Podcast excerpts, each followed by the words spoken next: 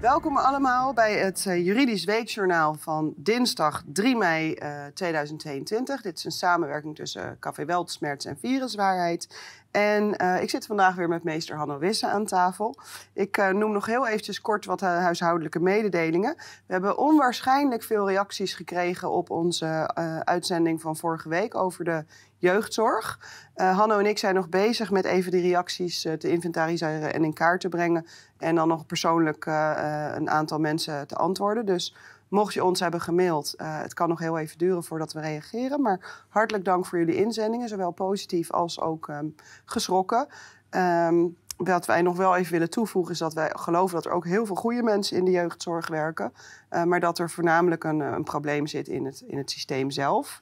Uh, waarbij het te rendabel is om kinderen uit huis te plaatsen en ook uit huis geplaatst te houden. En dat dat eigenlijk is wat we vorige week als uh, belangrijkste boodschap naar voren hebben willen brengen. Dus dat wilde ik nog even toevoegen over vorige week. Dan nog drie andere korte mededelingen. Aanstaande vrijdag geef ik hier weer de basiscursus inleiding privaatrecht. Zal ik in de omschrijving zetten.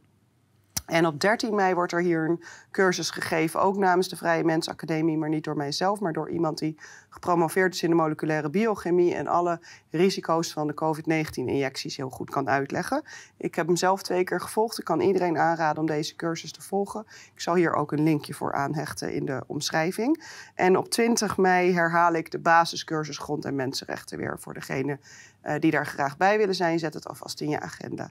Nou, dank jullie wel. Dit waren de hm, huishoudelijke mededelingen. Dan gaan we nu verder met het onderwerp van vandaag. We gaan het hebben over de aankomende of al op handen zijnde uh, crisis in de voedselvoorziening en wat de, ja, de corporate wereld daarmee te maken heeft. En daarvoor geef ik uh, Hanno Wisse het woord.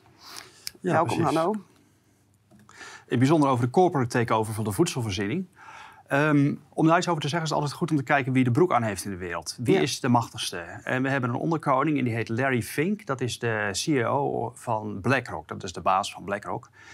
BlackRock pardon, is uh, enorm groot. Het is een investeringsfonds, uh, de allergrootste in de wereld. Mm. En die heeft een heel groot deel van de wereld in bezit. Dus 10 biljoen aan US dollars in assets. Uh, niemand kan het nazeggen, dat kan alleen BlackRock. en BlackRock heeft een Larry Fink van BlackRock heeft een aantal interessante uitspraken gedaan... die uh, bepalend zullen zijn ook voor uh, de behandeling van dit onderwerp verder. want ja, wie betaalt, die bepaalt. En dat geldt ook voor de voedselvoorziening. Zeker ja. als er sprake is van een corporate takeover. Dus de financiële sector is erg belangrijk in deze.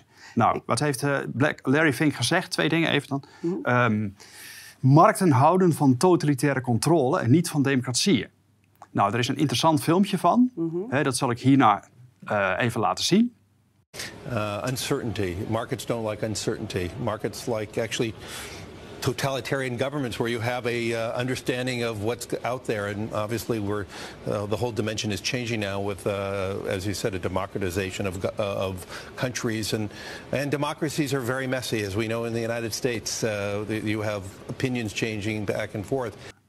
En punt 2 is dat uh, bedrijven goed gedrag moeten gaan afdwingen En daar is ook een interessant filmpje van. Well, behaviors are going to have to change, and this is one thing we're, gonna, we're asking companies. Uh, you have to force behaviors, and at BlackRock we are forcing behaviors. Um, BlackRock is, uh, zoals ik al zei, uh, is de grootste uh, in de wereld, largest asset manager. 10 triljoen in assets, dat is 10 biljoen in het Nederlands natuurlijk, hè, dat ligt net iets anders. En uh, heel belangrijk is de Industrial Leader in Environmental, Social and Corporate Governance. Dat zijn ESG-criteria. Mm -hmm. Wat zijn ESG-criteria? Nou, E staat voor Environmental. Mm -hmm. uh, dat gaat natuurlijk over uh, natuurlijk je koolstofdioxide-uitstoot, dat soort dingen. En social criteria gaan onder andere over uh, ja, relaties met employees, uh, oh, sorry, met uh, mensen die bij je werken, mensen die natuurlijk toeleveranciebedrijven en dergelijke. En hier is ook veel ruimte voor natuurlijk de idealen die wij doorgaans associëren met wokeness. Hè? Dus mm. antidiscriminatie en dat soort zaken. En genderneutraliteit, het hele pakket. Alles wat in de mode is. En governance, dat gaat over hoe je bedrijfsvoering verder doet. Um, even kijken. Nou, die ESG-criteria die zijn heel belangrijk en die zullen straks terugkomen. Ook met betrekking tot de organisatie van de voedselindustrie. Mm -hmm. Dat zal zo dadelijk wel naar voren komen. Dat dat het allerbelangrijkste is. Want we gaan toe in de wereld naar een toenemende mate van centralisering in de markten. Economische sectors toenemende mate van centralisering. Dat betekent dat uh, de financiële sector steeds meer voor het zeggen krijgt. Ja. En dat gaat niet alleen maar in de trant van wie betaalt bepaalt. Nee, de financiële sector gaat ook in toenemende mate gedrag voorschrijven. En dat gedrag wordt gefinancierd. En als je daar niet aan voldoet, dan krijg je geen geld. In toenemende mate gaat het hier naartoe. Nou, er is een belangrijke strategie geweest in uh, het Amerikaanse buitenlandbeleid en die heet Henry Kissinger. De vraag is of hij altijd de Amerikaanse belangen zo goed uh, op het netvlies had staan of dat hij vooral voor globalistische belangen opereerde. Ik denk dat hij vooral voor oligarchische belangen opereerde die achter de Amerikaanse staat uh, zitten. die ook ongetwijfeld achter BlackRock zitten. Ja. En hij heeft een interessante uitspraak gedaan. Who controls the food supply controls the people. And who controls the energy can control world continents. And who controls the money can control the world. Nou, het eerste is het meest interessant voor vandaag. Who controls the food supply controls the people. Ja. Er zijn een aantal interessante rapporten verschenen door de tijd heen... die te maken hebben met uh, hoe om te gaan met voedsel. Voedsel is uh, sinds een paar jaar een enorm thema geworden in de wereld. Uh, wordt geassocieerd met voedselveiligheid, voedselcrisis... En er moet van alles gebeuren. Nou, een hele belangrijke stichting in dit uh, opzicht is de Rockefeller Foundation. Dus de Rockefeller Foundation heeft nu plotsklaps het licht gezien met betrekking tot voeding. uh, hier hebben we het rapport Reset the Table, wat komt uit 28 juli, van 28 juli 2020. Het interessante is dat hier bijvoorbeeld ook de frase in voorkomt: voedsel als medicijn. Hè, en dan moeten we even voorstellen wie de Rockefeller Foundation is, hè, de Rockefeller-familie. die hebben natuurlijk uh, allopathische uh, medicijnbeoefening hebben ze min of meer uh, op poten gezet in de wereld. Hè. Dat is in het begin 20e eeuw geweest. Eerst zaten ze in de olie en toen gingen ze hun invloed uitbreiden op andere gebieden. Onder andere ook op het vlak van medicijnen. En dat betekende dat, ze, ja, dat een curatieve aanpak heel belangrijk werd. En dat alle alternatieve vormen van geneeskunst eigenlijk naar het Rijk der Fabelen werden verwezen. Althans, dat werd min of meer uit curricula op de universiteiten geschrapt. Dus ze hebben een enorm invloed gehad op het plannen van de, uh, de, uh, de educatie aan de universiteit voor, voor, voor aankomende dokters mm. En het op, frappante is dat het natuurlijk heel erg gericht was op medicijnen. Dus geneeskunst, wat het voorheen was, werd plotsklaps een studie naar medicijnen. En je kunt je voorstellen dat daar uh, de invloed van de farmaceutische industrie enorm, enorm, door werd vergroot. Dus daarom is het des te frappanter dat ze nu plotsklaps spreken over voedsel als medicijn. Want eerst waar, ging het erom om te hakken en te zagen, te snijden en tabletten en pillen bij te proppen. Ja, en de homeopathie werd eigenlijk op alle manieren en dat was het. gemaakt. Want dan kun je goed geld aan verdienen. En plotsklaps spreekt hier de Rockefeller Foundation over food as medicine. En vanuit een soort van holistische visie, waarbij dan ook het verband wordt gelegd tussen gezondheid heel duidelijk en voeding. Terwijl we ook zien dat in die voedingsindustrie nu van alles en nog wat gebeurt met modificatie. Uh, waarvan je je ook moet afvragen, is dit allemaal wel gezond? Natuurlijk. Kijk, wanneer de Rockefellers dit, dit soort dingen zeggen... dan moeten we natuurlijk altijd eventjes een slag om de arm houden. Hè? Uh, de Rockefeller-familie, uh, dat is natuurlijk een, een familie... die altijd voor, het, voor de harde pegels is gegaan, dat weten we. In 1914 bijvoorbeeld had je de op dat moment godvader van de Rockefeller-familie, die een mijnwerkersprotest uh, liet neerslaan in Colorado, Colorado waarbij 21 man uh, werd vermoord. En dat vond hij allemaal prima. En, maar toen had hij wel een imagoprobleem. Dus op dat moment uh, vond hij het nodig om iemand in de arm te nemen. En die man heette Ivy Lee, heette die. En dat is een van de grote, grootste PR-strategen van de 20e eeuw geweest, naast Edward Bernays. En Edward Bernays had tenminste nog een, een, eh, een, moreel minimum. Die zei, nou met de nazi's werk ik niet samen. Dat uh, aan mijn lijf niet zo'n polonaise. Maar uh, Ivy Lee had daar, zag daar geen enkel probleem in. Die heeft ook voor de nazi's uh, advies gegeven van hoe propaganda te voeren. Mhm. Nou, Ivy Lee die heeft gezegd tegen Rockefeller, weet je wat je moet doen? laat nou niet telkens wanneer je het openbaar verschijnt je van je hardvochtige kant zien. Hè, maar laat ook je empathische kant nou eens zien. Hè? Dus als je nou eens komt bij die mijnwerkersfamilie, gooi wat muntjes in het rond. Hè? Dan word je namelijk als de goede Sinterklaas gezien. En laat empathie zien als je met de mensen spreekt. Hè? Vooral als er een lopende camera is. Hè? Dat is altijd verstandig. Hè? Als die camera uit is, dan kun je weer of een harde kant laten zien. Hè? Maar als die camera loopt, dan moet je natuurlijk even uh, sympathieke... Uithangen. Tuurlijk, toen is het idee van de filantroop geboren. Ja. En het idee van de filantroop is natuurlijk vooral een marketingconcept. Hè? Ja. Uh, bijvoorbeeld Bill Gates, die, huldigt, die heeft ook de filantropenjas aangetrokken. Hè? Die zegt nu ook van, nou, eerst heb ik mijn geld verdiend bij, Marcus, bij, bij uh, Microsoft. met, eh, ja, met software, ook eh, software tegen virussen. En ja, nu ben ik eigenlijk zeg maar eh, retired. Hè. Ik ben ik eigenlijk bij pensioen en ik heb allemaal geld verdiend. Ja, en nu liefhebber ik nog wat in de vaccins hè, eh, als filantroop. Nou, daar is natuurlijk helemaal niks van waar. Heeft zijn vermogen verdubbeld in de vaccins. Dat is gewoon keiharde business. Ja. Maar het is natuurlijk wel prettig om te verkopen alsof jij het goede met de wereld voor hebt. Hè, en alsof je het vanuit filantropische overwegingen doet. Ja. En dat je daar keihard geld aan verdient, dat onttrek je maar een beetje aan En dat doen ze natuurlijk weer via Ja. mooie stichtingen. Dus het is gewoon een vorm van Precies. belastingontduiking. Dus de- pas op met deze rapporten, wil ik maar zeggen. Dan komen we weer terug bij het rapport. Pas op met deze rapporten. We hebben heel duidelijk weer te maken met een marketingverhaal. En dit is in dit geval een holistisch verhaal. Hè. Het komt allemaal heel redelijk over. Hè, voeding heeft te maken natuurlijk met gezondheid. Hè. En zoveel mensen die eh, eten niet gezond. We hebben een groot obesitasprobleem. Suikerintake is veel te groot. Veel te veel vlees gegeten. Oh, vlees is zo verschrikkelijk. Rood vlees veroorzaakt kanker. Dat soort dingen. Al die clichés komen voor in dat rapport. Die bespaar ik jullie. Ik ga een paar eh, dingen slechts eh, noemen. Natuurlijk wordt er stoer afgetrapt in het rapport. Hè. This paper integrates all insights. Hè. Alle inzichten, analyses die er in de wereld zo'n beetje te verkrijgen zijn. Hè. De vraag is of het waar is. Hè. Maar ze willen natuurlijk vooral pretenderen dat ze de consensus vertegenwoordigen. Want dan krijgt je paper meer gezag. Hè. Dat is de bedoeling. Natuurlijk heeft dat paper, er wordt altijd wel naar gekeken. Want de Rockefeller-familie die zit op een gigantische schatkist. Hè, dus dat zijn hele belangrijke financiers. Dus als de Rockefeller-familie wat vindt, dan wordt er altijd naar gekeken. Natuurlijk en naar geluisterd. Alleen om die reden al. Ja.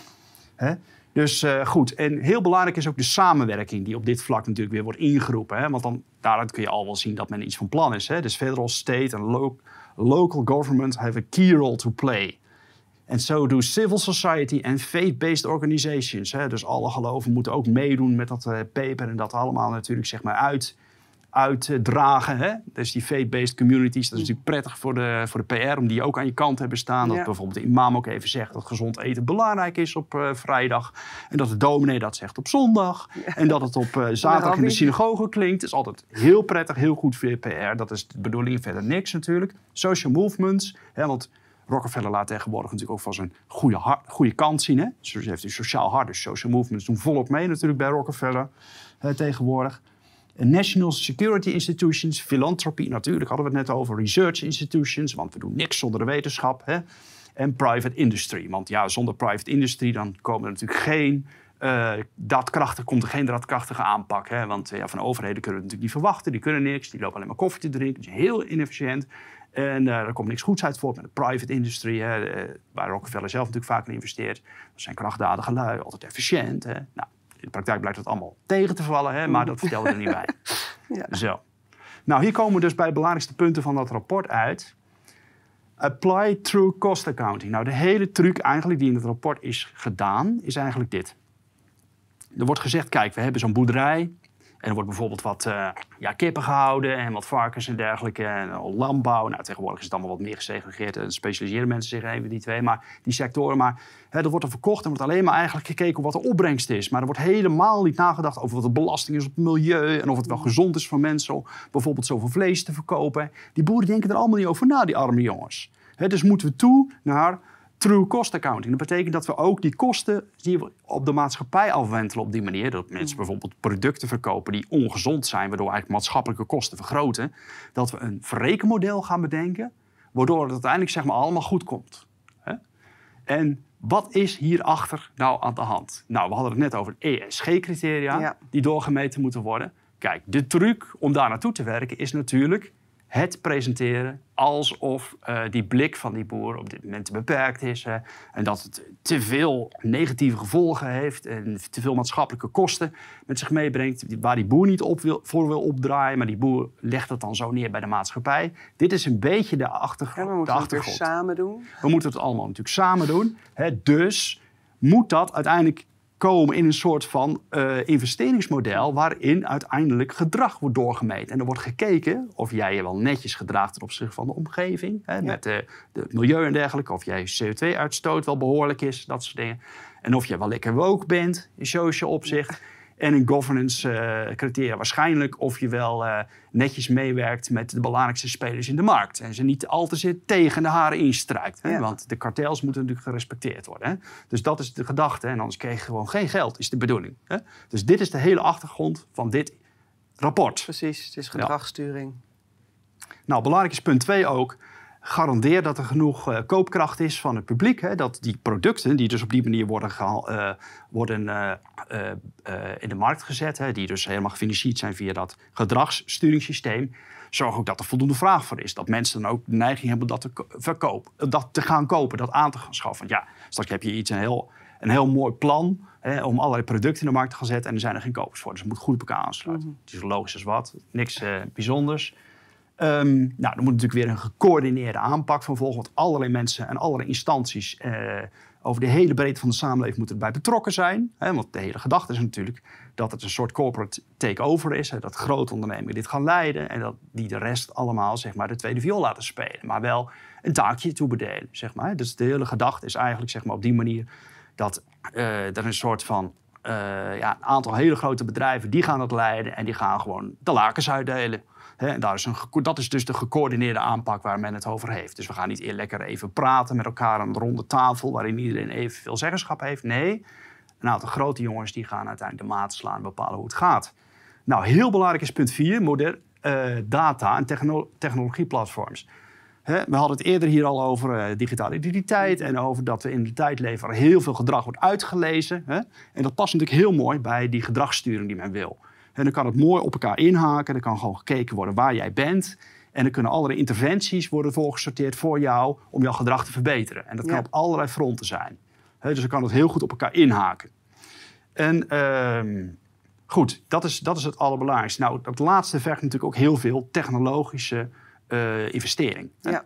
De, dus uh, dat, dat vergt natuurlijk nogal wat van. Nee, in dat verband is natuurlijk alweer interessant dat de Rabobank nu met dat CO2-gebeuren komt. Precies, dat is ook een stap. ja. Eigenlijk die in het verlengde hiervan ligt van die ESG-criteria. Dat heeft misschien niet direct met food te maken, maar wel heel duidelijk met environmental. Hè, met mhm. eh, inderdaad die CO2-uitstoot, die een beetje gaan registreren en bijhouden. En dan gewoon op een gegeven moment gaat er natuurlijk, gaan er gevolgen aan verbonden worden. Hè? Dan, dan, eh, krijg, dan eh, komen er beloningen en dan komen er ook strafpunten. Ja. Want dat ligt heel dicht natuurlijk ook bij, bij, uh, bij sociaal krediet, hè, zoals we het in China hebben. Mhm. Het hoeft niet per se te betekenen dat, dat die beloning of die bestraffing in de vorm van geld is. Het kan ook zo zijn dat je bijvoorbeeld bepaalde voorrechten krijgt of juist verliest. Hè? Ja. Met betrekking tot als je bijvoorbeeld uh, op de lijst staat voor een stad om een huis uit te zoeken, dat je verder naar beneden gaat of verder omhoog gaat, dit soort dingen. Dat, uh, dat is of je mag niet meer in de spits reizen. Ja. Hier hebben we het tweede rapport. Dat is een rapport van recente datum, 1 juli 2021. De gedachte is eigenlijk precies hetzelfde. Het is nog wat pregnanter tot uitdrukking gebracht. Er staat gewoon true cost of food. Dezelfde gedachte die ik zojuist beschreef. We willen het hele kostenplaatje in beeld brengen. dus ook de maatschappelijke kosten die door verkeerde voedingproductie eigenlijk uh, uh, worden veroorzaakt. Die willen we zeg maar uh, ook in beeld brengen. want daarmee krijgen we eigenlijk een verkooppraatje op poten voor die ESG-criteria. Daar gaat het eigenlijk om. Ja.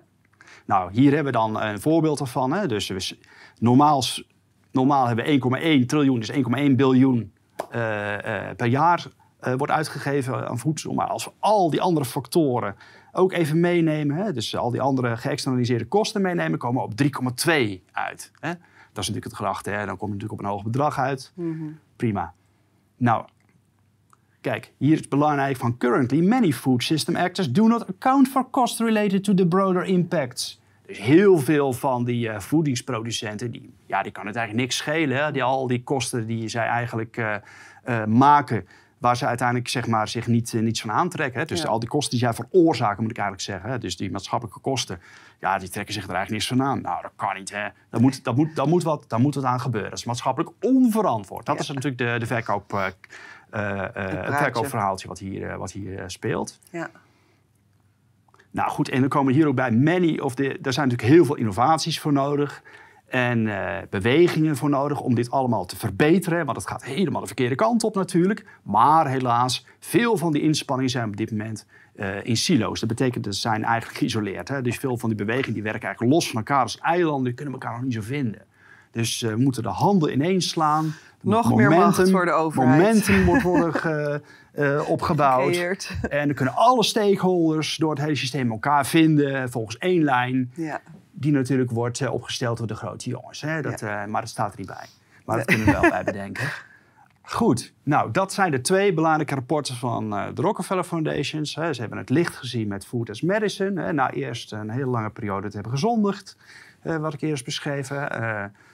Eh, ze, ze geloven nu ineens plotsklaps in de holistische aanpak. Hè. Het is een pure marketingverhaal. Ja. Ehm, goed, nou, de Verenigde Naties die uh, bekommert zich ook om voedsel tegenwoordig. En uh, er is zelfs een speciale uh, rapporteur voor, daar komen we zo nog wel bij uit. En er is een belangrijke summit geweest, een belangrijke top geweest, 23 september 2021. En nou, die werd dus geleid door de special envoy Agnes Kalibata. Nou, daar komen we zo nog over te spreken. En zij zegt, er is no end to chronic er is geen einde aan chronische honger.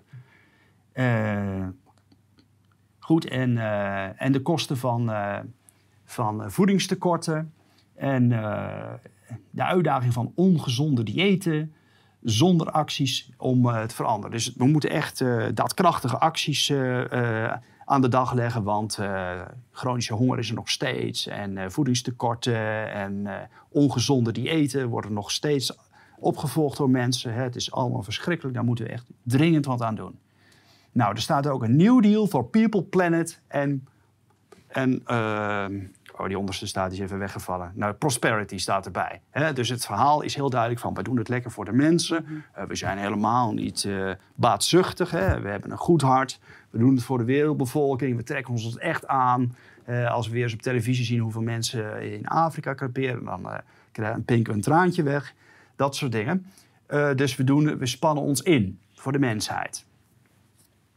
Nou, er is een, een uh, artikel over verschenen uh, van Derek Broos in The Last American Vagabond, wat hier heel kritisch op reageert. Hè? Dus gaat kijken of deze pretenties wel kloppen. Hè? Wordt hier niet met twee tongen gesproken? Nou, daarnet hadden we het met die Rockefeller-rapport uh, ook al erover, dat er eigenlijk met twee tongen wordt gesproken. We hebben het verkoopverhaal en we hebben het echte verhaal. Ja. Hè? We weten natuurlijk altijd, zeg maar, als we iets willen verkopen, dat we er flink slag op moeten spuiten, want anders wordt er niet in gebeten. Hè? Ja. Dus dat is eigenlijk de hele bedoeling. Ja. En uh, nou, Derek Broos die heeft het dan over uh, kolonisatie, kolon, een, een, poging tot kolonialisering van voedsel. Dat is eigenlijk wat hij zegt. Um, maar goed, hè, dan lopen we even dat artikel langs en dan heb ik een paar shots uit het artikel. Oh god, en, daar hebben we die Guterres weer. Ja, nou, Guterres was natuurlijk van de partij. Hè? Dat ja. is natuurlijk de, de VN-secretaris-generaal. Die moet acte de présence geven. Nou, die man moet overal opdraven. Dus die is ook niet zo origineel in wat hij zegt. Dus je komt niet veel verder dan wat clichés. Die zegt dan van, uh, nou, dat het natuurlijk geweldig succes is, de summit. Want doet, de VN doet altijd heel goed werk, vindt hij. En dan zegt hij van, ja, many of the world's food systems were fragile. Dus veel van de voedselsystemen in de wereld die waren nogal ja, kwetsbaar.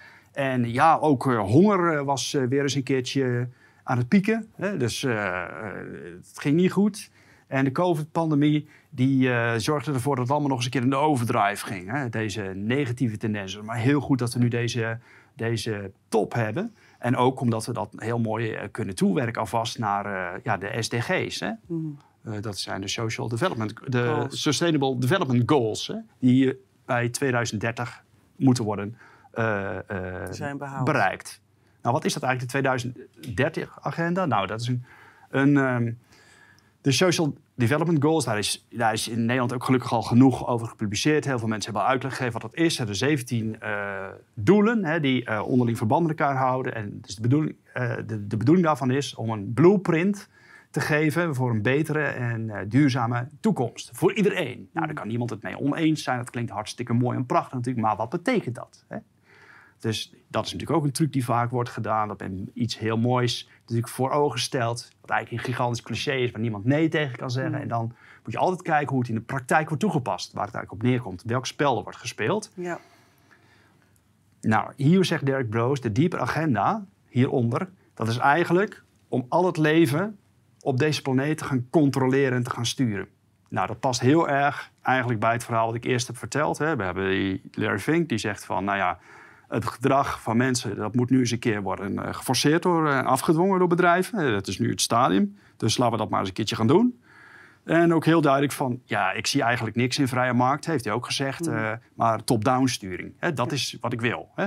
Dus hier hebben we eigenlijk te maken met een soort nieuwe feodaliteit die zich aan het vestigen is. Corporate, feudaliteit van grote bedrijven die de lakens gaan uitdelen in de wereld. Mm -hmm. En van de rest van de mensen gehoorzaamheid verlangen. Als dat niet gebeurt, krijg je gewoon geen geld. Ja. Ja, of krijg je strafpunten of minder sociaal krediet. Dat soort dingen. Hè? En dat, en eigenlijk dat zijn, ontstaan. zij, zij zijn Ja. zo machtig geworden dat die overheden daar ook eigenlijk helemaal niet meer tegen in kunnen gaan. Daar heeft um, Bob de Wit toen ook zo'n mooie Precies. aflevering over gemaakt. Die, Ja, die overheden zijn in toenemende mate zijn een middelmanagementlaag geworden. Tussen die, eh, die top, die corporate top eigenlijk en de mensen. En in die middelmanagementlaag dan lopen ze eigenlijk naar de bevolking toe te vertellen... we dienen jullie belang. Ja.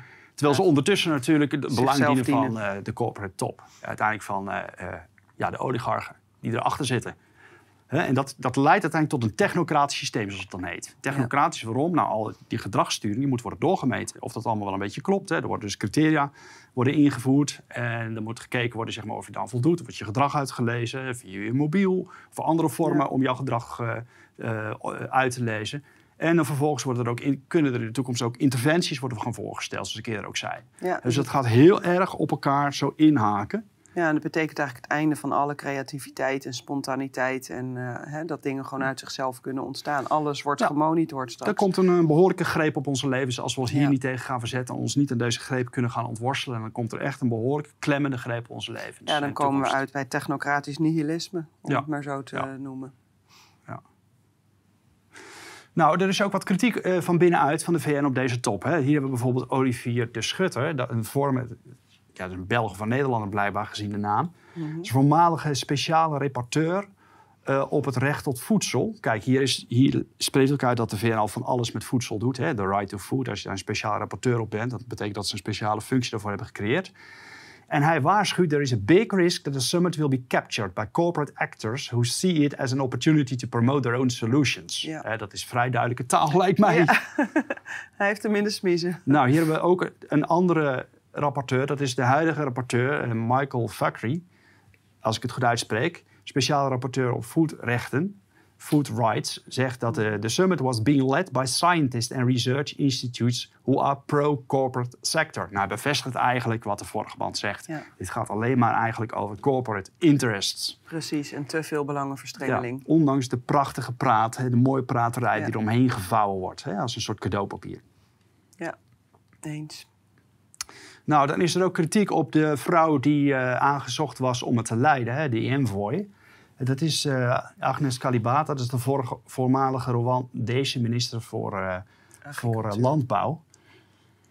En zij heeft, heeft functie gehad van president voor de alliantie van de Green Revolution in Afrika, AGRA. En dat is eigenlijk een organisatie die door de Bill and Melinda Gates Foundation en de Rockefeller Foundation wordt gefinancierd.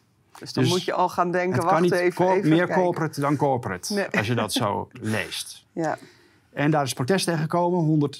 176 organisaties van 23 landen hebben een brief geschreven aan de VN-secretaris-generaal dat als deze vrouw wordt aangesteld, dat dat een deliberate attempt to silence the farmers of the world betekent. Dat betekent dus een vrijwillige, eigenlijk een, een bewuste daad Ja. om alle boeren in de wereld het zwijgen op te leggen. ja. Ehm, en deze, er is ook een andere groep eh, die ook veel mensen vertegenwoordigt. Dat is de Civil Society and Indigenous Peoples Mechanism.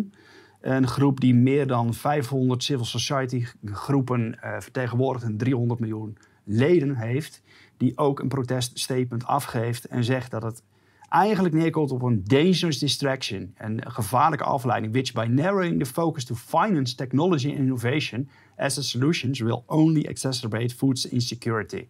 Dat betekent dat gevaarlijke afleiding, en wat we eigenlijk zien, dat deze focus op, op financiering, technologie en innovatie als de, als de enige oplossing, en dat zijn natuurlijk typische oplossingen, zeg maar, die vanuit de corporate sector natuurlijk Ja. gewoon kunnen worden verschaft. Hè, door de grote jongens worden verschaft. Het is hun programma. Het is niet het programma zeg maar, van de gewone boeren. Mhm. En dat hebben zij heel goed door. Want zij, zij ondervinden daar dagelijks natuurlijk ook gewoon de gevolgen van. Dat dit Ja. soort agenda's worden Nou, daar eh, hadden wij het uitgerold. net, net Ja. ook al even over, hè, over Monsanto in India en hoe dat daar helemaal mis is gegaan met die zaden. Ja. En dat uiteindelijk 400.000 eh, boeren zelfmoord hebben gepleegd. Ja, Monsanto is natuurlijk een verschrikkelijke organisatie hè, die helemaal niet het eh, beste voor heeft met de gezondheid van mensen. Mhm. En ik moet trouwens zeggen dat eh, Monsanto die houdt zich al de hele tijd al bezig met manipulatie, genetische manipulatie van zaden. En de gedachte erachter is dat het dan patenteerbaar is.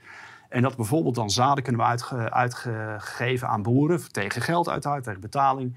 En als die gewassen dan groeien, dan zijn die niet meer zaaddragend. Dus die boeren moeten, de volgende, die moeten dit volgende seizoen natuurlijk zich weer tot Monsanto keren om opnieuw zaden te kopen. Ja. Dat is de hele bedoeling natuurlijk, de commercialisering daarvan. Ja, dus ze worden afhankelijk. Ja, en dat betekent natuurlijk dat er veel meer kosten gemaakt worden. Want als je je zaden kon opsparen van je gewassen, dan betekent dat dat je het volgende seizoen zeg maar, aan minder kosten aan je seizoen begint. Precies. Dus dit, dit was killing. Ja. En we moeten ook trouwens de Rockefeller Foundation natuurlijk wel ere geven die eer toekomt. Want de Rockefeller Foundation is een van de grootste financiers geweest van genetische manipulatie van zaden achter Monsanto. Ja. Dus eh, nog een reden om eh, wat wantrouwig te zijn ten opzichte van de Rockefeller Foundation. Zeker bij die prachtige verhaal die we zojuist te horen kregen van ze. Goed, dan hebben we een EU-rapport, wat ook belangrijk is. Dat is het rapport Farm to Fork, zoals het heet, van 25 mei 2020. We zullen eigenlijk zien dat dezelfde lijn, die is ingezet bij die Rockefeller-rapporten, dat die wordt doorgetrokken. Dus Ja. dit is helemaal in dezelfde geest geschreven, alleen voor de EU-rapport. Nou, wat we hier zien is eh de transition to sustainable food systems is a huge economic opportunity, zo wordt het verkocht. Het is de kans om eh, je eigen trademark sustainable te maken. Je eigen merk gewoon duurzaam te maken. Nou, dan krijg je zoveel meer ma- eh, marktwaarde, is wat er hierbij wordt gezegd, gesuggereerd. En dus de kans om een first mover te zijn in een markt voor alle actoren in de EU-voedselketen.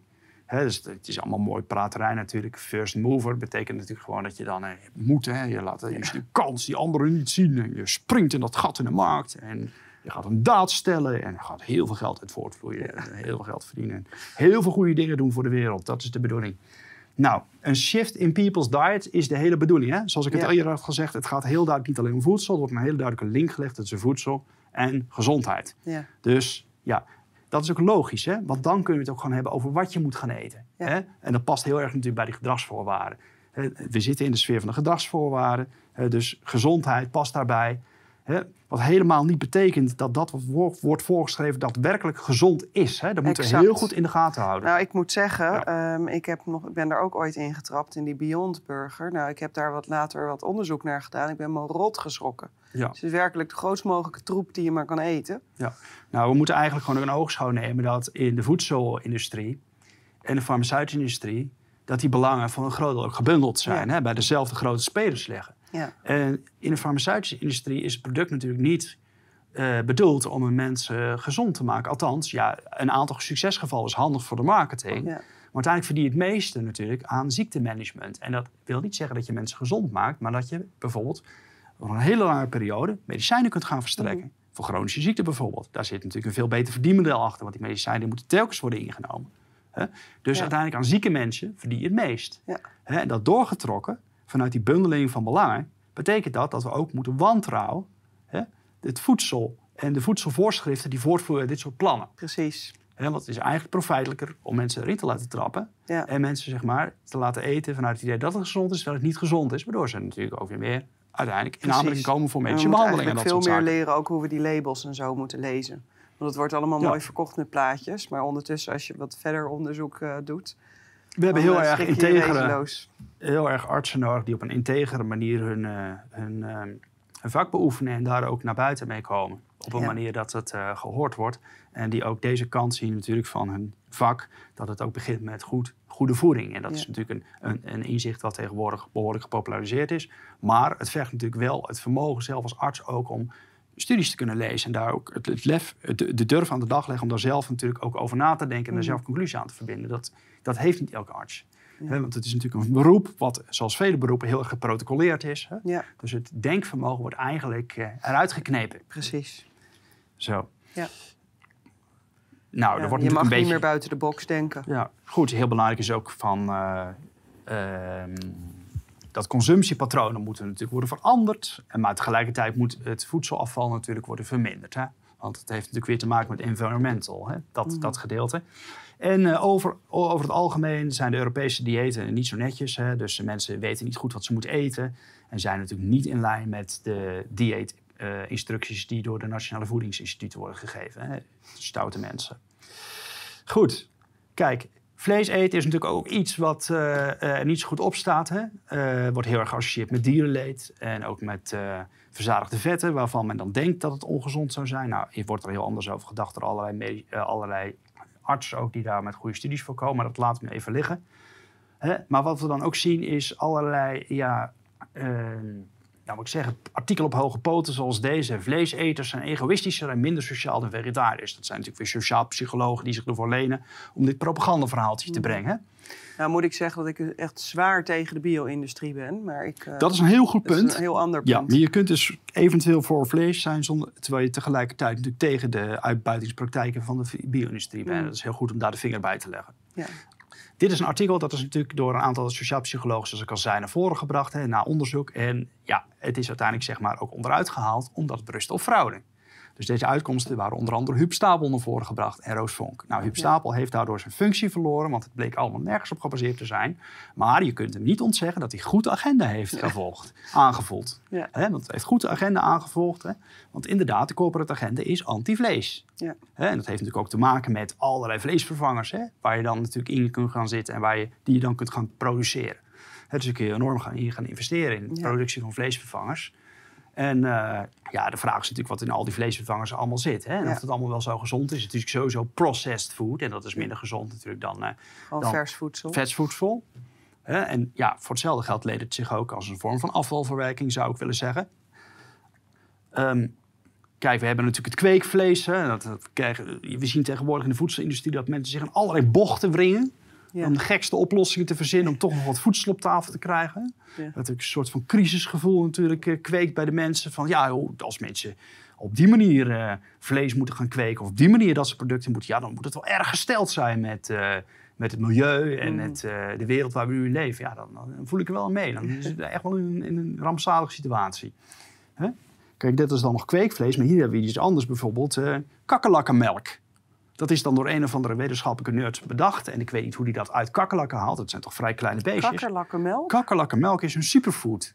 Nog nooit van gehoord. Dus ik vraag me af hoe ze dat uit kakkerlakken halen. Eh, eh, met een pipetje denk ik. Dat is een druppeltje voor druppeltje. Maar dat is één druppeltje per kakkerlak lijkt me. Dat is behoorlijk arbeidsintensief zou ik zeggen. Ik niet echt aan te raden. Maar ja, eh, is misschien een delicatesse. Hè, maar het is wel opvallend dat men naar die beesten kijkt. Hè? Want dat zijn toch beesten waar de meeste mensen vol walging van weglopen. Mhm. Dus waarom doet men dat? Hè? Ja. Dus daar zit ook een propagandakant aan, denk ik. Een PR-kant. Hè? Dat men denkt van bijvoorbeeld ook het insecten eten en dat soort dingen. Daar zit een, PR een propagandakant aan. Laat mensen maar gewoon eh rotzooi eten. Hè? Dat versterkt het gevoel eigenlijk ten eerste dat we in een hele grote crisis zitten... dat naar dit soort middelen wordt gegrepen en al het andere opzij wordt geschoven. Ja. En ten tweede tast het misschien ook wel ja, je zelfgevoel aan. Zou je bijna kunnen zeggen. Mhm. Hoewel, dat, is, dat wil misschien niet iedereen aan, maar...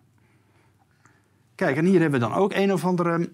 ehm, Einstein, die heeft bedacht dat plastic trash, dus plastic afval... daar kunnen we best proteïne van maken. Dat zijn natuurlijk synthetische eiwitten? Ja. dat begrijpen we wel. Maar die heeft dus een, een prijs ermee gewonnen en zo.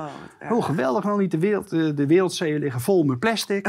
Stel je nou voor dat je dat kunt gaan opeten. Nou, daar ben je nog wel even bezig Ik natuurlijk. eh, laat hem even passeren. Ja. En hier hebben we het dieptepunt. Hè. Dat is natuurlijk, eh, natuurlijk in het kader van de ruimtevaart bedacht. In het kader van de ruimtevaart, dat weten we allemaal, worden heel veel natuurlijk, eh, innovaties eh, gedaan. Heel, heel veel nieuwe vondsten gedaan. En dat eh zijpelt dan daarna door naar de maatschappij. Nou, en dan hebben ze hier bedacht dat human waste best in food kan worden veranderd. En dat is daar natuurlijk uitwerpselen zijn dat. Hè? Oh.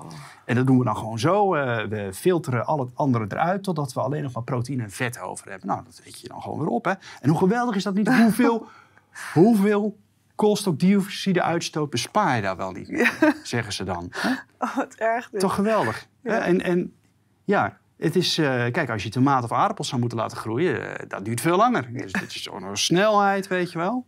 Dus ik kan me niet aan de indruk onttrekken dat het ook wel bewust bedoeld is om eh, een hypotheek te leggen op, of een wissel te trekken op het zelfgevoel van mensen. Naast het gevoel van crisis te vergroten. Hè? Want heel veel van dit soort Ja. ideeën, dat gaat niet alleen puur om het product zelf, maar soms ook om secundaire Ja. redenen. En ik denk dat daar hier sprake van is. Want, ja. Goed, we gaan verder met het rapport eh, van daarnet, eh Farm to Fork. Wat zien we daar verder in? Ehm, heel belangrijk is dat er een Farm Sustainability Data Network moet worden aangelegd. Kijk, dan komen we weer helemaal uit waar we er net waren. Hè? IT is heel belangrijk geworden. Dataverzameling is alles geworden. Hè? Dus we proberen zeg maar, die, dat in elkaar grijpen te krijgen van gedragsvoorwaarden... en het uitlezen van jouw gedrag. En dat zo nauw mogelijk op elkaar te betrekken. Wellicht dat AI op een gegeven moment dat ook helemaal overneemt. En dat gaat allemaal interventies voorstellen enzovoorts. Nou, er komt een Common European Agriculture Data Space is de bedoeling althans. Hmm. Hè, dat hoort er ook helemaal bij. En de commissie gaat ook druk in de weer om zijn skills-agenda te updaten. Want ja, als je het natuurlijk hebt over gedrag, hè, dat betekent dat als, eh, als er allerlei eisen aan worden gesteld, dat er dus ook allerlei trainingen moeten worden aangeboden om mensen dat gedrag te kunnen laten bereiken. Ja. En vergis je niet, dat gaat op allerlei dingen. Dat gaat ook bijvoorbeeld over empathietrainingen en dergelijke. En leiderschapstrainingen en zo. En eh, ja, dan krijg je natuurlijk ook allemaal dingen voorgesorteerd waar je helemaal niet op zit te wachten. Omdat ja, de AI nou eenmaal heeft bedacht dat het goed voor jou is. Terwijl jij zoiets hebt, ja, weet ik veel. Ja. eh, het moet. Ja, maar Ik goed. zie de laatste tijd ook, ik weet niet of jou dat ook is opgevallen, maar steeds meer van die computerspelletjes die te maken hebben met dit soort. eh, Ja, die computerspelletjes, dat is ook bewust. eh, die computerspelletjes, dat is bekend. eh, die zijn vooral voor kinderen bedoeld. Om kinderen te laten ingroeien in dit systeem wat voor de toekomst bedoeld is. ja. Hè? En ook om data te harvesten van kinderen. En die kinderen, te- om een eh, dataprofiel van die kinderen te kunnen maken Ja. voor de toekomst. Dus het mes snijdt aan vele kanten in dat opzicht. Goed, heel belangrijk is natuurlijk combating food fraud. Dus voedfraude mag, voedselfraude mag natuurlijk niet voorkomen. Het is natuurlijk één bende, één grote fraude. Maar hè, als het gaat over die voorwaarden, kun je je voorstellen dat het heel belangrijk is omdat dat wordt afgedwongen. Hè? Dus dat betekent daarom, daarom is er zo een nadruk op voedselfraude. En dan staat er zero tolerance policy wordt eh, een zero tolerance beleid wordt uitgevoerd. Met belangrijke afschrikwekkende eh, straffen. Hè, effective deterrence, eh, afschrikwekkende middelen. Ja, maatregelen. zijn heel belangrijk hiervoor. Nou, is- hey, waar hebben we dat eerder gezien? ja, precies. 400, wat was het? 400 euro voor het nee? Ja, goed. 500 euro boete voor een. COVID gaat ook de kant op. Er zijn ook natuurlijk overeenkomsten met corona. Natuurlijk voor het minst of geringste wordt een enorme boete uitgedeeld. Nou ja, gelukkig hebben wij de Oostenrijkse bedragen nog niet. Maar daar rijst het helemaal de pan uit. En Ja. Australië doet dito. Dat is ongelooflijk. Daar kunnen Ja. we niet meer van proportionaliteit spreken. Totaal, totaal niet. Hè. Dat Nee. is pure afschrikking. Puur mensen in een hok eh, Duwen. duwen. Goed. En verder moet er een EU-code komen van conduct. Dus een gedragscode van de EU. Met betrekking tot eh, verantwoord eh, ja, ondernemerschap, verantwoord een bedrijf leiden. Hè? En verantwoorde marketingpraktijk. Dit leent zich natuurlijk ook weer voor die gedragsvoorwaarden. Ja. Vergis je niet, dit is gewoon eigenlijk een politiek programma. Die gedragsvoorwaarden zijn een politiek programma. Het gaat gewoon puur om politiek correct gedrag afdwingen bij mensen. Ja. En er wordt nu zeg maar, vanuit de financiële wereld een soort financieringsstructuur voor opgetuigd. Kijk, in de wereld kun je eigenlijk onderscheid maken tussen, tussen eh, heel grofweg onderscheid maken tussen twee situaties. En het is een beetje zwart-wit, maar ik denk toch dat het heel instructief is om dat op de achtergrond te houden. Ofwel, mensen eh, in een democratie zijn in staat zeg maar, om zelf een stem naar voren te laten brengen en zelf actie te ondernemen en regelen met elkaar een economie die werkt voor het gros van de mensen. Ofwel een kleine minderheid die in wilde eh, het vermogen van de rest, het financiële vermogen van de rest in ver overtreft, grijpt de macht en doet op haar manier aan planning. Ja. Dus ik ben het niet eens met mensen die zeggen: ja, planning is alleen iets voor communisten. Nee, nee, nee, dan heb je niet de wereld begrepen. Nee, dat is niet zo. Eh, het gaat ook om het plannen van randvoorwaarden waarin een maatschappij en een economie kunnen floreren. Ja. En dan is volgens mij eh, dus het, eh, de waterscheiding is tussen zeg maar, ofwel proberen met elkaar een samenleving te creëren zeg maar, die werkt voor de meeste mensen. Dat is idealistisch, dat weet ik allemaal, dat is waar. Ofwel, we geven het roer uit handen en dan zal de financiële sector zal toeslaan en zal de hele economie in lijn brengen met haar wensen. En Ja. dus aan financiële planning doen. En daar zitten we middenin. Die Ja. financiële planning zitten wij middenin. En dat is het einde van alle vrijheid. Ja. Ja. Goed, hieronder zien we ook Corporate Governance Framework. Dat past natuurlijk bij de ESG-criteria wederom. Ik ga snel door. Nou, er is een eh, goede journalist, die heet William Engdahl. Die heeft een, over dat eh, eh, Fork to Farm, of Farm, Farm to Fork programma, heeft hij een kritiek geschreven. Ja. Ehm, het is een slimme manier om boeren te demoniseren. eh, door ze als eh, ja, eigenlijk koolstofdioxide eh, overtreders neer te zetten. Ja. Hè, Nou, want wat moet er nou eigenlijk gebeuren? Wat vergt dit programma nou eigenlijk? En een enorme investering. Ja. Dus die boeren die moeten in de toekomst zeg maar, om al, aan al die gedragsvoorwaarden te voldoen. En dat, geloof me, daar gaat ook echt een heel technologisch afrekenmodel op volgen. Hè? Met uitlezing van gedrag enzovoort. Ik heb het er net al over gehad. Dat betekent dat je, die, dat je zult gewoon moeten investeren. En lukt dat niet, kom je, lukt het niet om jouw beentje bij te trekken, financiële beentje bij te trekken, dan is het dat het einde van jouw bedrijf. Dus er gaan heel veel mensen afvallen. En dat is Nou, ook de hele bedoeling. En we Dus- zien nu dat de boeren al ongelooflijk geterroriseerd ja, worden. dat zorgt natuurlijk voor een hiërarchisering, dus een toenemende hiërarchisering van de markt, een toenemende centralisering in de markt. En dat is de hele bedoeling. Ja. Excuus. Nou wijst uh, Wilma Engdahl nog op een tweede aspect van eh, dit programma van eh, eh, Farm to Fork. En dan zegt hij van, nou weet je, in de EU hebben we een heel goede bescherming tegen eh, genetisch gemanipuleerde eh, waren. Dus genetisch gemanipuleerde dieren en planten en dergelijke. In 2018 heeft het Europese Hof van Justitie eh, een belangrijke uitspraak gedaan... eh, waar heel veel bescherming aan ontleend wordt. Maar wat wil men? Men wil die bescherming eigenlijk weghalen. Ja. En waarom? Omdat dan Monsanto lekker eh, vrij baan kan krijgen. En eh, ja, dat betekent dat er lekker geknutseld kan worden zeg maar, aan dieren en aan planten. En eh, nou goed, we hebben natuurlijk tegenwoordig de vaccins, die mRNA-vaccins, die genetisch, die veranderen eigenlijk mensen genetisch al. Hè? Ja. Dus goed, dus welke barrière, morele barrière hebben we nog Hebben om we nog. Om eh, ons te storten op eh, planten en dieren. Hè? Ja. Die is er eigenlijk niet meer geredeneerd van daaruit. Natuurlijk zei is die er en wezen wel, want de vraag is of dat allemaal wel zo gezond is en goed is. Hè? Daar kun je nog steeds over discussiëren. En eigenlijk moet eerst bewezen zijn dat zo'n interventie ook wel hè, eh, voordelig is en gezond is en goed uitpakt. Voordat je daar uiteindelijk zeg, op, grootschalige, op een grootschalige manier gebruik van kan maken. Maar ja, uiteindelijk zijn de corporate interests die erachter zitten daar niet in geïnteresseerd. Die willen vrij baan hiervoor. Want het betekent ook dat die, goederen, dat die, eh, die dieren en die, eh, die planten, zodra ze genetisch gemanipuleerd zijn, ook patenteerbaar zijn. Ja. Daar hadden we het net ook over, over die zaden enzovoorts. Ja. Dus wat men doet, is eigenlijk het spel spelen dat men eh, de pesticiden wil men terugdringen vanuit het idee van milieu. Hè.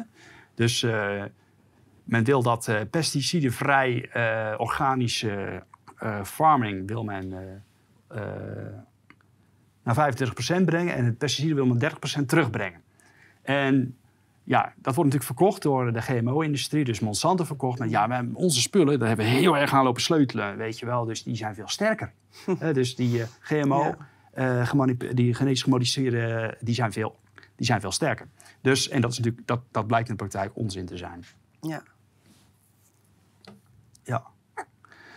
Nou, dan hebben we. eh, even kijken hoor. Goed, dit is het verhaal over de, de rapporten en dergelijke. Nu gaan we het over een aantal ontwikkelingen hebben, nog kort. Een aantal ontwikkelingen die op dit moment spelen, die laten zien dat er eh, op dit vlak niet alleen sprake is van rapporten, maar ook van gebeurtenissen. Ja. Kijk, je moet het voorstellen als we te maken hebben met een sterk georganiseerde markt, met in de top een hele krachtige spelers, dat die er baat bij hebben om verdere hiërarchisering en centralisering eh, eh, te laten plaats hebben. En wat is daar nou dienstiger voor dan een goede crisis? Hè? Mhm. En die eventueel zelf veroorzaken. Nou, de Oekraïne-crisis is natuurlijk, heeft plaatsgevonden en die heeft tot gevolg dat ehm, eh, livelihoods could be threatened because much of the EU meat and the dairy industries, dus vlees- en zuivelindustrie, die is afhankelijk van ja, spullen uit de Oekraïne. Hè, Ja. Crops uit de Oekraïne. Dus, dat gewassen. betekent veel gewassen uit de Oekraïne. En tegelijkertijd eh, is er ook afhankelijkheid van Russisch gas en, eh, en fertilizer. Dus eh wat betekent dat? Fertilizer, Eh, kunstmest, kunstmest. kunstmest. dat soort dingen. Nou, Biden die zegt, eh, heeft een tijdje geleden gezegd dat hij voedseltekorten tegemoet ziet. Dat Ja. laat ook wat zien als een president van Amerika dat zegt. Daar wordt dan rekening mee gehouden, voedseltekorten. En natuurlijk, ja, als dat gevoel van gebrek, als dat gevoel van tekortschiet, als dat wordt geactiveerd, dat betekent dat natuurlijk dat er meer handelingsvrijheid komt in aanzien van die grote spelers in die eh, voedselindustrie. Ja. Dat is de hele gedachte. Goed, wat er is gebeurd is eh, iets anders. Dat is dat ehm, CSF, CF, CF Industries is een grote industrie in, ehm, in Amerika. En die zorgt onder andere voor kunstmest. Nou, die heeft te horen gekregen dat zij veel minder hun spullen kunnen gaan vervoeren. Omdat eh, Union Pacific de shipments terugbrengt. Dus ja, en dat heeft, dat heeft grote gevolgen. Ja. Dat wordt not only will fertilizer be delayed by the shipping restrictions, but additional fertilizer needed to be eh, needed voor, eh, voor later. Dus eh, extra kunstmest voor later. Ja. om ja, verdere groei van de gewassen te bespoedigen. Ja, die komt misschien nooit meer aan. Nee, te laat. Dus er worden dan, grote problemen verwacht ja. verderop in het seizoen. Goed, hier zien we een notificatie van de FBI die waarschuwt voor cyberthreats met betrekking tot de voedselketen. In het bijzonder in het oogstseizoen. Heel opvallend dat de, de FBI dat Ja, ineens dat die zegt. zich hiermee bemoeit. In het verleden hebben we, nabij het verleden hebben we allerlei curieuze branden gehad in Amerika. Onder andere bij eh, vleesleveranciers, vleesverwerkingsbedrijven en andere agriculturele bedrijven. Eh, waarbij je dan afvraagt eh, of dat allemaal toeval is. Hè, daar kan ik verder niet zoveel over zeggen, daar heb ik geen onderzoek over gedaan. Maar het is wel opvallend hoeveel het er zijn. Mhm. Goed, en in Nederland hebben we natuurlijk ook iets gaande. Hè? We hebben de, Ja. eh, de sfeer dat de boer natuurlijk op de huid wordt gezeten. Hè? Dus er is onlangs een aanbod gedaan vanuit het ministerie. Er is gezegd dat als boeren zich sneller laten uitkopen, dat hij dan meer geld kan vangen. Dat is natuurlijk een enorme prikkel om Ja. sneller het beltje bij neer te gooien. Want natuurlijk, er moeten nog heel veel boeren afvallen voordat die grote jongens een lekker groot aandeel zeg Ja. maar, kunnen bemachtigen. Dat is de gedachte. Tegelijkertijd gaat het allemaal over stikstof hier. Hè? Want in Nederland is het vooral natuurlijk het stikstofidee van eh, er is te veel stikstof, dus die boeren moeten nou eens ophouden. En als we dan kijken naar de RVM-grafiek, dan zien we eigenlijk dat eh, het niet alleen de boeren zijn die eh, een aantal stikstof leveren, maar dat er bijvoorbeeld het verkeer, industrie, energie, raffinaderij, de consumenten, handel, diensten, overheid en bouw nog veel meer stikstof Ja, uitstoten. Dus met andere het woorden, is het is, echt een politieke boeren- keuze om het allemaal bij de boeren neer te Ja. leggen. ja. Goed, dan komen we aan met het laatste onderwerp om af te sluiten. En we hebben natuurlijk te maken plotsklaps met de vogelgriep. Dat is weer eh, gereanimeerd. Hè? Die was in het verleden ook nog. eh, is in het verleden 2005 is die ook. eh, volgens mij 2005 is die ook er geweest.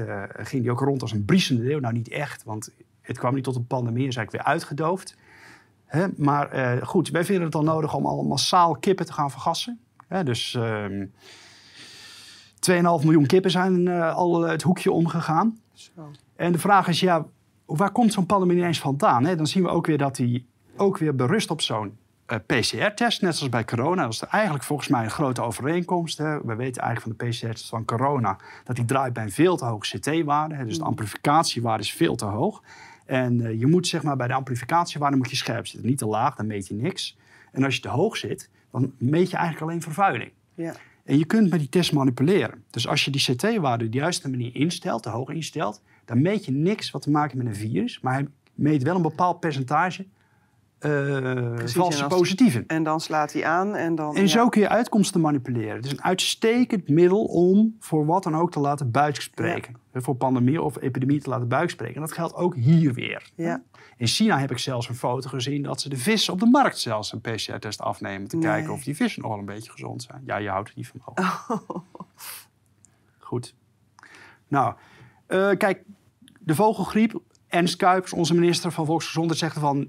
jongens, jullie hoeven geen zorgen te maken voor de mensen. Hè, want eh, dat is vooral een aangelegenheid van dieren. Het valt wel mee. Maar in Amerika zien ze dat toch een beetje anders. Mhm. Hè, er is namelijk een keer een, eh, in 2020, hoor, een tijdje geleden... is er al alarm ge- geslagen dat als het echt een keer tot een uitbraak komt van die vogelgriep... dat het dus heel erg gevaarlijk kan zijn voor de mensen. Oh, ja, maar ik zie wie het zegt. Robert Redfield. Ja, en dat is eh, afgelopen maart geweest, 20 maart geweest. Ja. Heeft Robert Redfield gezegd. Die trok toen heel hard aan de bel. Hè, die vond het blijkbaar nodig om eventjes eh, hard alarm te slaan. I believe the great pandemic is still in the future. En dat is natuurlijk de bird flu. Hè, for man. Ja. Eh, de significant mortality, 10% tot 5% range. En ehm, dan komt hij tot een hele extreme uitspraak. I do believe that the pandemic risk is a greater risk of the national security of the United States than Korea. Dan Korea, Oh. China, Russia en Iran. Nou, als Nou, hij dat sorry, zegt, dan weet je, dit is gewoon pure propaganda. Als er van iemand is van wie ik geen enkel woord serieus Ja. neem, is het Robert Redfield. Want die heeft de grootste wetenschapsfraude ooit op zijn naam. Samen met Anthony Fauci. En met die vrouw met dat sjaaltje. Hoe heet ze ook alweer? Ja, Eh, goed doet er niet goed, toe. Ja. Maar ook hier is het belangrijk om te onderscheiden dat het misschien nog niet eens zozeer gaat om die birdflu voor mensen. Om mensen zo bang te maken voor die birdflu, voor, eh, voor die vogelgriep voor henzelf. Maar hè, kijk, als die vogelgriep zo wordt opgeblazen, dan zorgt het ervoor dat des te sneller dat Ja. pluimvee geruimd wordt. Precies. Hè? Waardoor zeg maar die agriculturele take-over des te sneller doorgaan kan vinden. Ja. Dat zou er ook wel eens heel goed achter kunnen zitten. Goed, nou dan komen we bij het laatste uit. Hè. Kijk, geconfronteerd met zo'n corporate takeover of de food supply, de voedselvoorziening, de voedselindustrie. Ja, dan is het op een gegeven moment aan ons de vraag, wat gaan we daarmee doen eigenlijk? En wordt het niet eens tijd om onze ja, noem je dat, groene vingers, uh, wat groene vingeroefeningen te gaan doen. Ja. En een volkstuintje of zoiets ergens. Kijk, dat is natuurlijk niet direct genoeg om je eigen voedselvoorziening te, vol, vol, uh, te, voorzien. te, voorzien. Maar het is wel zo natuurlijk dat, kijk, in deze centralisering die op dit moment gaat, is je vraagt om een decentralisering. Ja. Zeker in deze tijd waar ook de toeleveringsketens onder druk staan vanwege corona. Ja. En ook vanwege allerlei onverklaarbare omstandigheden. Hè? Waardoor uiteindelijk de prijzen ook omhoog gaan van de goederen is het ja, wel een goede gedachte om na te denken over of je misschien je eigen groene vingers is uh, wat zou moeten gaan trainen. Ja. En ja, dat is het einde van uh, wat ik te zeggen heb hierover. Okay. Ja. Nou, dat lijkt me een mooie afsluiter. Dank je wel, Hanno. Jou bedankt. Ja, tot volgende keer. Ja.